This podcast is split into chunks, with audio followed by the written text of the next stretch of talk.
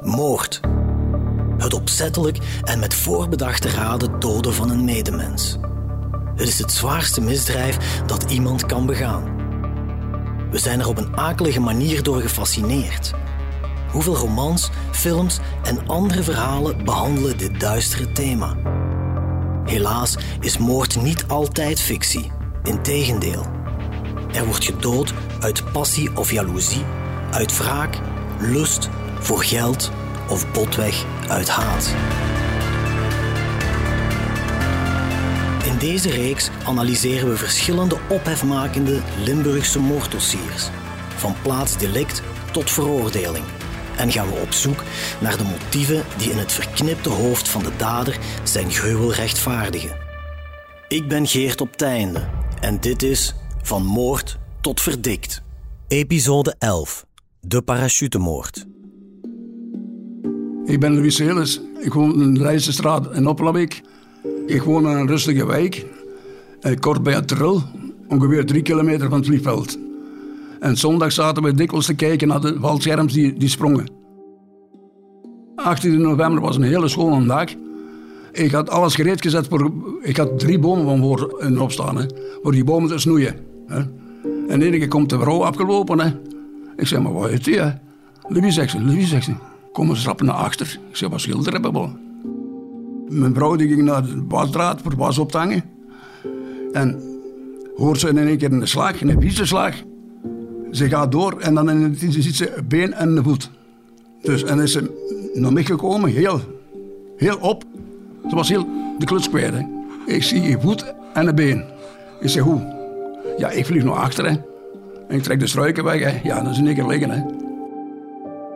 Ik was op stap geweest, ik had de krant bij, ik had ontbijt bij, ik heb rustig nog ontbeten met mijn ma en mijn pa. En toen ben ik gaan slapen en opeens rond half één, vijf na half één, word ik wakker van een gil. Half wakker heb ik iets aangetrokken, opeens ik mijn ma in de keuken heel verwaard. Er ligt een vrouw in de tuin. Zeg, hoe een vrouw in de tuin? Ja, ik was half wakker, ik dacht ook nog, maar ik heb dat slecht gehoord. Ik kijk naar buiten en ja, toen zag ik de vrouw liggen daar met die valscherm. U hoort Louis en Raf Seles. Vader en zoon Seles wonen in de Leisterstraat in Opglabeek. En de feiten waarover zij spreken vinden plaats op 18 november 2006. Een zaterdag die voor altijd in het geheugen van de familie Seles gegrift staat. Want die middag gebeurt het ondenkbare. Wanneer een 38-jarige parachutiste een dodelijke val maakt in hun achtertuin. Moeder Paula, die intussen helaas overleden is, wil op dat moment net buiten de was gaan ophangen. Wanneer op slechts enkele meters van haar vandaan een vrouw neerstort in het vlakbij gelegen struikgewas. Het is het vreselijke begin van een verhaal vol geheimen en intriges, dat Vlaanderen en de rest van de wereld en nu nog steeds in zijn ban houdt. Mijn vrouw wil komen kijken. Hè. Ik zei, ga maar naar binnen en bel naar de 900. Hè. Toen ben ik bij die vrouw gebleven tot de eerste politie er was. En mijn vrouw stond te wenen dat, tot en met. Na ongeveer tien minuten kwam hier een andere parachutist aan. Die is direct naar die vrouw gelopen. En hij was maar de hele tijd bezig. Hè? Maar, dan janken, precies, janken, janken, janken, janken. Valt hem neer op, op de deksel van de put. Hè? Maar ik ging vragen, moest ik een stoel hebben? nee, laat me maar gerust. Ik moet alles hebben, ik moet alles hebben. Alles wat uit zijn mond kwam als Els. De Els over wie Louis spreekt is Els van Doren. Een 38-jarige vrouw en moeder van twee kinderen uit het Antwerpse. Els is enkele minuten eerder van op zo'n 4000 meter hoogte samen met drie collega-parachutisten uit een vliegtuig gesprongen om samen een vrije valformatie uit te voeren. De andere parachutist waarvan sprake is Marcel, een man uit Eindhoven die net als Els van Doren lid is van de Genkse club Dropzone Zwaardberg en die ook met het groepje uit het vliegtuig is gesprongen. Marcel is een naam om te onthouden, want de Nederlander zal later in dit tragische verhaal willens nillens een sleutelrol gaan spelen. Maar dus, de sprong van Els van Doren loopt gruwelijk mis. Zowel haar hoofdvalscherm als haar reserveparachute weigeren dienst. En de doodsmak die ze maakt in de tuin van de familie Celis, daar in die rustige Leisterstraat, is het onvermijdelijke gevolg. Dat dit net Els moet overkomen, is onbegrijpelijk. Want de zeer ervaren parachutiste had duizenden springuren op haar palmares. En veiligheid kwam voor haar op de eerste plaats, zo blijkt. Ik ben Jurgen Kams. Ik was destijds uh, centrumleider op Dropzone Zwarberg. Centrumleider is eigenlijk de hoofdinstructeur, verantwoordelijk voor al wat te maken heeft met de veiligheid, met het dagdagelijkse reilen en zeilen op de dropzone. Els van Doren is, uh, is, was al een ervaren springster. Ik weet niet juist wanneer ze is beginnen springen, maar dat moet ook ergens in begin jaren 90 geweest zijn. Ze had uh, meerdere duizenden sprongen, was een zeer ervaren, veilige springster die heel veel met haar sport bezig was en die ook die jarenlang intensief getraind had met een damesploeg die meededen aan wedstrijden en zo. Op dat vlak was er, ze wist heel goed wat dat ze deed, wat ze kon doen om de sport veilig te houden. Het was eigenlijk een heel rustige dag, want het was november, is niet echt warm weer. En we zaten met wat mensen in de kantine, in het cafetaria. En dan hebben we nog een uur of anderhalf uur in, in het cafetaria gewacht totdat het weer opgeklaard was.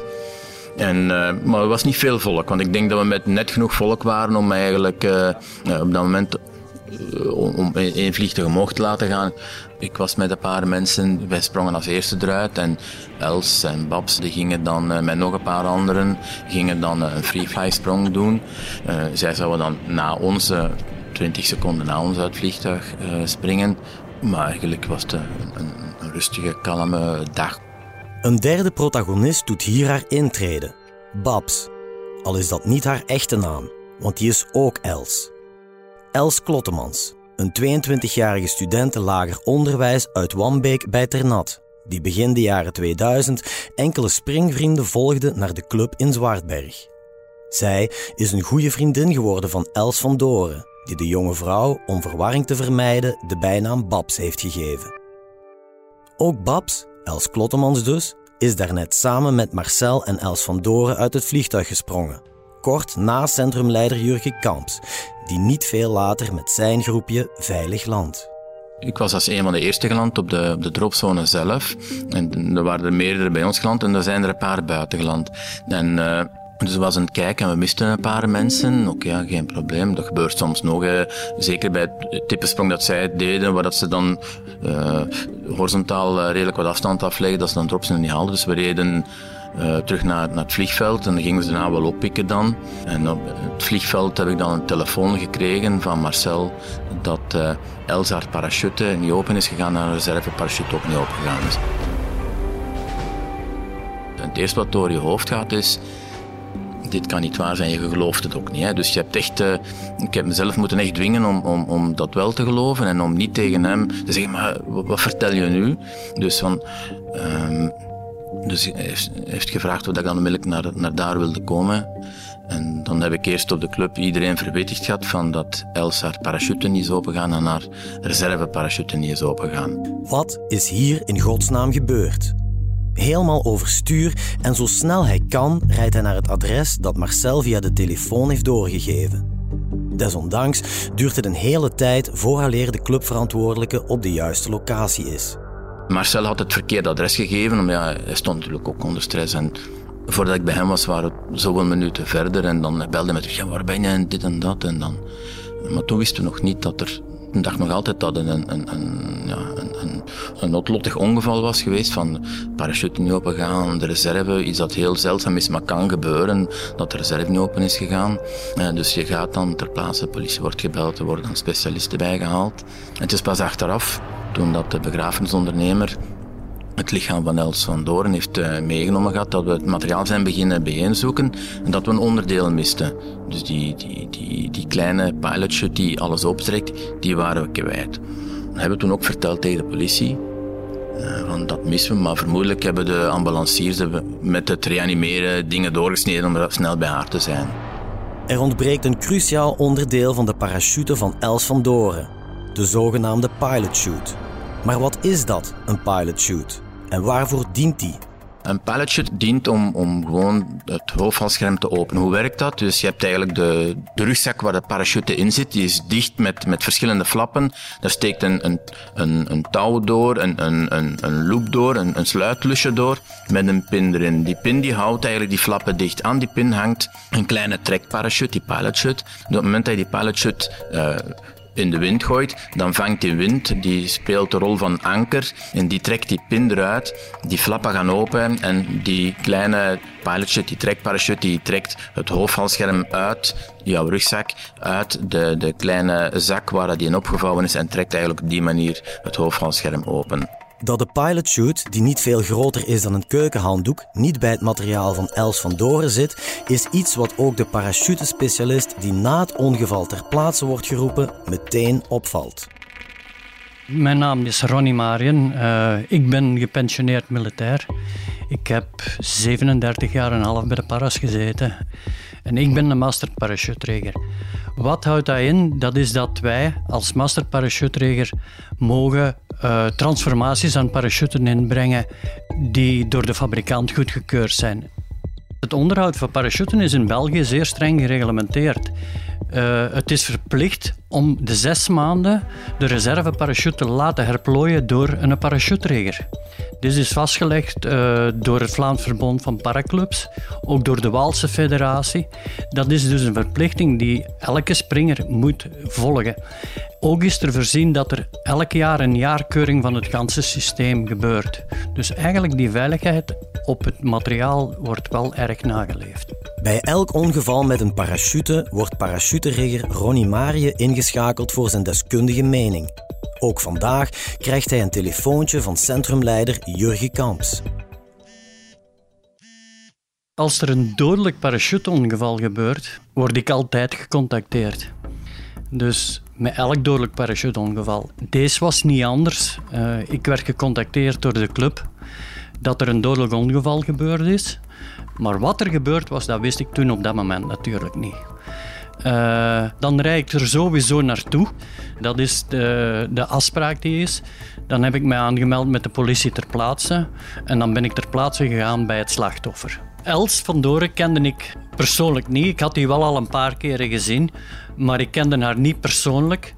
Uh, ik wist wel dat zij in een team van vrouwen sprong en dat zij een heel deel sprongen had, dus een heel ervaren springster was. Zij lag op haar rug, wat dus een normaal fenomeen is. Zelfs iemand die op zijn buik valt, zal altijd terugkomen op zijn rug te liggen. Ondertussen waren de hulpdiensten er al geweest. En de politie heeft me toegelaten bij het slachtoffer te gaan om de eerste vaststellingen te doen. Net als clubverantwoordelijke Jurgen Kamps, die ook ter plaatse is in de Leisterstraat, merkt Ronnie dus op dat de pilotchute ontbreekt. Al hoeft dat wat hem betreft niet meteen verontrustend te zijn, legt hij uit. Want misschien hebben de hulpdiensten de pilotchute wel afgesneden en weggelegd tijdens de reanimatie van het slachtoffer. Het eerste wat er gebeurt is dat ik begin te kijken of alles uh, correct is wat ik zou moeten zien. Je stelt bepaalde zaken vast die je moet zien. Nu, in die zaken waren voor mij al enkele zaken die mij opvielen die niet correct waren. Um, bijvoorbeeld de pilotchute waarmee de hoofdkoepel opengetrokken wordt, die lag er niet bij. Normaal is die altijd bevestigd aan het uh, systeem. En eigenlijk kon ik op dat moment, behalve dat, heel weinig zien, omdat de hulpdiensten erbij geweest zijn. En de hulpdiensten snijden van alles kapot. Zij moeten dat doen. Zij moeten iemand reanimeren, zelfs als ze weten dat dat hulpeloos is. Maar zij moeten reanimeren. Dus er waren zaken kapot gesneden. Maar ik vond het al een heel eigenaardig fenomeen. Dat niet klopte dat die een pilotchute er niet bij was. Dan heb ik gevraagd aan de politie of ik het mocht inpakken en heeft de politie van Genk het materiaal meegenomen. Na zijn eerste onderzoek zit Ronnie met een pak vragen. Hij besluit om naar de club in Zwartberg te gaan om daar te informeren of Els van Doren die middag zelf haar parachute had geplooid. Ik wou weten of Els haar eerste sprong was van de dag. Want als dat haar een tweede sprong zou zijn, dan had ze hem ginder geplooid gehad. Nu is zij toegekomen met die parachute zelf en was het haar eerste sprong van de dag waar dat gebeurd is. Dus eigenlijk vond ik het toen al allemaal heel eigenaardig en was ik al dat gaan vragen op de club. Intussen zijpelt het nieuws dat Els van Doren overleden is langzaamaan door in de parachuteclub van Zwartberg. Het spreekt voor zich dat alle leden zwaar aangeslagen zijn door het verlies van een fijne, warme vriendin. Dat vertellen parachutedeskundige Ronnie Marie en clubverantwoordelijke Jurgen Kamps. De sfeer ja, die was helemaal bedrukt op de club. Uh, als je iemand verliest die je goed kent, natuurlijk, dat is, dat is nooit niet plezant. Nee, een heel bedrukte sfeer. In het begin is, is het gewoon eerst ongeloof. Dat, zo sta je zelf ook. Dus je, je, het, is, het is onwezenlijk, het is ongeloof. De, je weet dat het kan gebeuren dat er iemand verongelukt, maar ja, je kan het niet geloven. Het heeft even tijd nodig om, om, om, om door te dringen. En, en dan zie je dat mensen steun zoeken bij elkaar. Maar ondertussen moet je zelf weet je dat je dingen moet doen. Je moet uh, de mensen, ja, bepaalde instanties informeren. Je moet zorgen dat je ter plaatse gaat met de politie. Maar je moet ook zo snel mogelijk zorgen dat er een specialist bij komt die het materiaal kan eerst onderzoek doen en zo. Dus dat dat allemaal geregeld wordt. Maar ondertussen, ja, iedereen zit met die, wat is er gebeurd? Hij zit met vol met vragen van, uh, wat is er misgelopen? Hadden we iets kunnen anders doen? Els had toch zoveel ervaring. Wat, is er, wat is er gebeurd? Dus dat ongeloof en dan natuurlijk de slag dat, dat er iemand die je goed kent er niet meer is. Nou, dat is toch wel een, een, een heel, heel apart, heel raar gevoel in de club wordt er gespeculeerd op dat moment van, ja, er zijn nog mensen die met hetzelfde type parachute springen, die dus samen gelijkaardige parachutes gekocht, een rugzak gekocht hebben met hoofdvalscherm, reservevalscherm. Uh, is er een, een, probleem met het materiaal? Uh, is er, uh, moeten wij schrik hebben dat ons materiaal niet werkt? Dus dat is de, de eerste bezorgdheid van, van mensen die, die met het, het identiek materiaal springen. Ook in de Leisterstraat in Opglabeek, waar de noodlottige val van Els van Doren eindigde, is de verslagenheid groot. Vooral Paula, de moeder des huizes, is zwaar onder de indruk van het hele gebeuren. En dat zal lange tijd zo blijven, vertellen haar weduwnaar Louis Celis en zoon Raf. Paula heeft geweldig veel afgezien. Ze had dat nooit mogen meemaken. Eén keer donker gingen ze niet meer buiten. Als ze moest buiten zijn, s'avonds moest ze meegaan, of ze ging niet buiten. Lang geduurd voordat ze er een beetje bovenop was. Dat kan nog gebeuren, Louis, zegt ze tegen mij. Ik zeg, dat kan zeker nog gebeuren dat vergeet je nooit. Dan mogen ze te draaien een keer. Als ik nu van tijd zo gezegd de waterput kan leeg trekken, dan denken ze, nog een beetje werden ze gelegen. Logisch, hè? Dat vergeet je niet, hè? Nee, de vrouw is lang, lang. Oh, deze is er werkelijk ziek van geweest. Ja, het is allemaal raar dat dat bij thuis is gebeurd en waar je feitelijk niks mee te maken hebt. En veel mensen willen dan weten, wat heb, wat heb je gezien? Wat, wat, wat is het allemaal? En ik kan aan de ene kant wel begrijpen, dat gebeurt niet dagelijks. En ja, maar wij zitten daarmee dan. Uh, dus uh, ja. Een zeer bewogen dag loopt op zijn einde, terwijl zoveel vragen onbeantwoord blijven. Want hoe is dit vreemde ongeval kunnen gebeuren? Wat is er precies misgelopen? En wat met de pilotshoot? Waar is die naartoe? Parachute-expert Ronnie staat voor een raadsel de fatale val van Els van Doren blijft de hele nacht door zijn hoofd malen. En dus besluit hij de volgende ochtend opnieuw op onderzoek uit te gaan. Zanderdags ben ik terug uh, naar de politie in Genk gegaan. Heb ik het materiaal terug onderzocht en toen hadden we ook de beelden die Els van Doren in de camera had. En daar kon je echt in zien dat die reserve niet opende. Nu, ik heb dat eigenlijk nog nooit gezien dat een reserve niet functioneert. En dat pilotshootje, daar heb ik daar nog eens naar gezocht gehad. Dat kon ik niet vinden. Dus die was er echt niet bij. Uh, dat was voor mij de reden om de politie te zeggen om het parket te verwittigen. Toen was ik vast van overtuigd dat hij een sabotage was. Sabotage? Werd de parachute van Els van Doren echt moedwillig onklaar gemaakt? Als dat zo is, dan is er geen sprake van een ongeval maar van moord. En dat lugubere vermoeden van Ronnie Marie slaat in als een bom in de Zwartbergse parachuteclub, vertelt centrumleider Jurgen Kamps. op het moment dat dan de politie jou belt, ja, we hebben contact gehad met de ambulanciers en zij kunnen echt vertellen van dit en dat hebben gedaan. dat ontbreekt, dan weet je, ja, dan, dat is het eerste dan tegen de politie zegt, dan is er maar één mogelijkheid. En dan is de parachute gesaboteerd. Dan heeft er iemand dan is het gewoon moord uiteindelijk. Dus, dus van eerst het ongeloof dat je iemand verloren bent aan een ongeval en dan er is een moord gebeurd, dat is, dan, dan waan je op een moment jezelf in een Amerikaanse misdaadfilm met, met, met alle emoties van, dat kan toch niet waar zijn.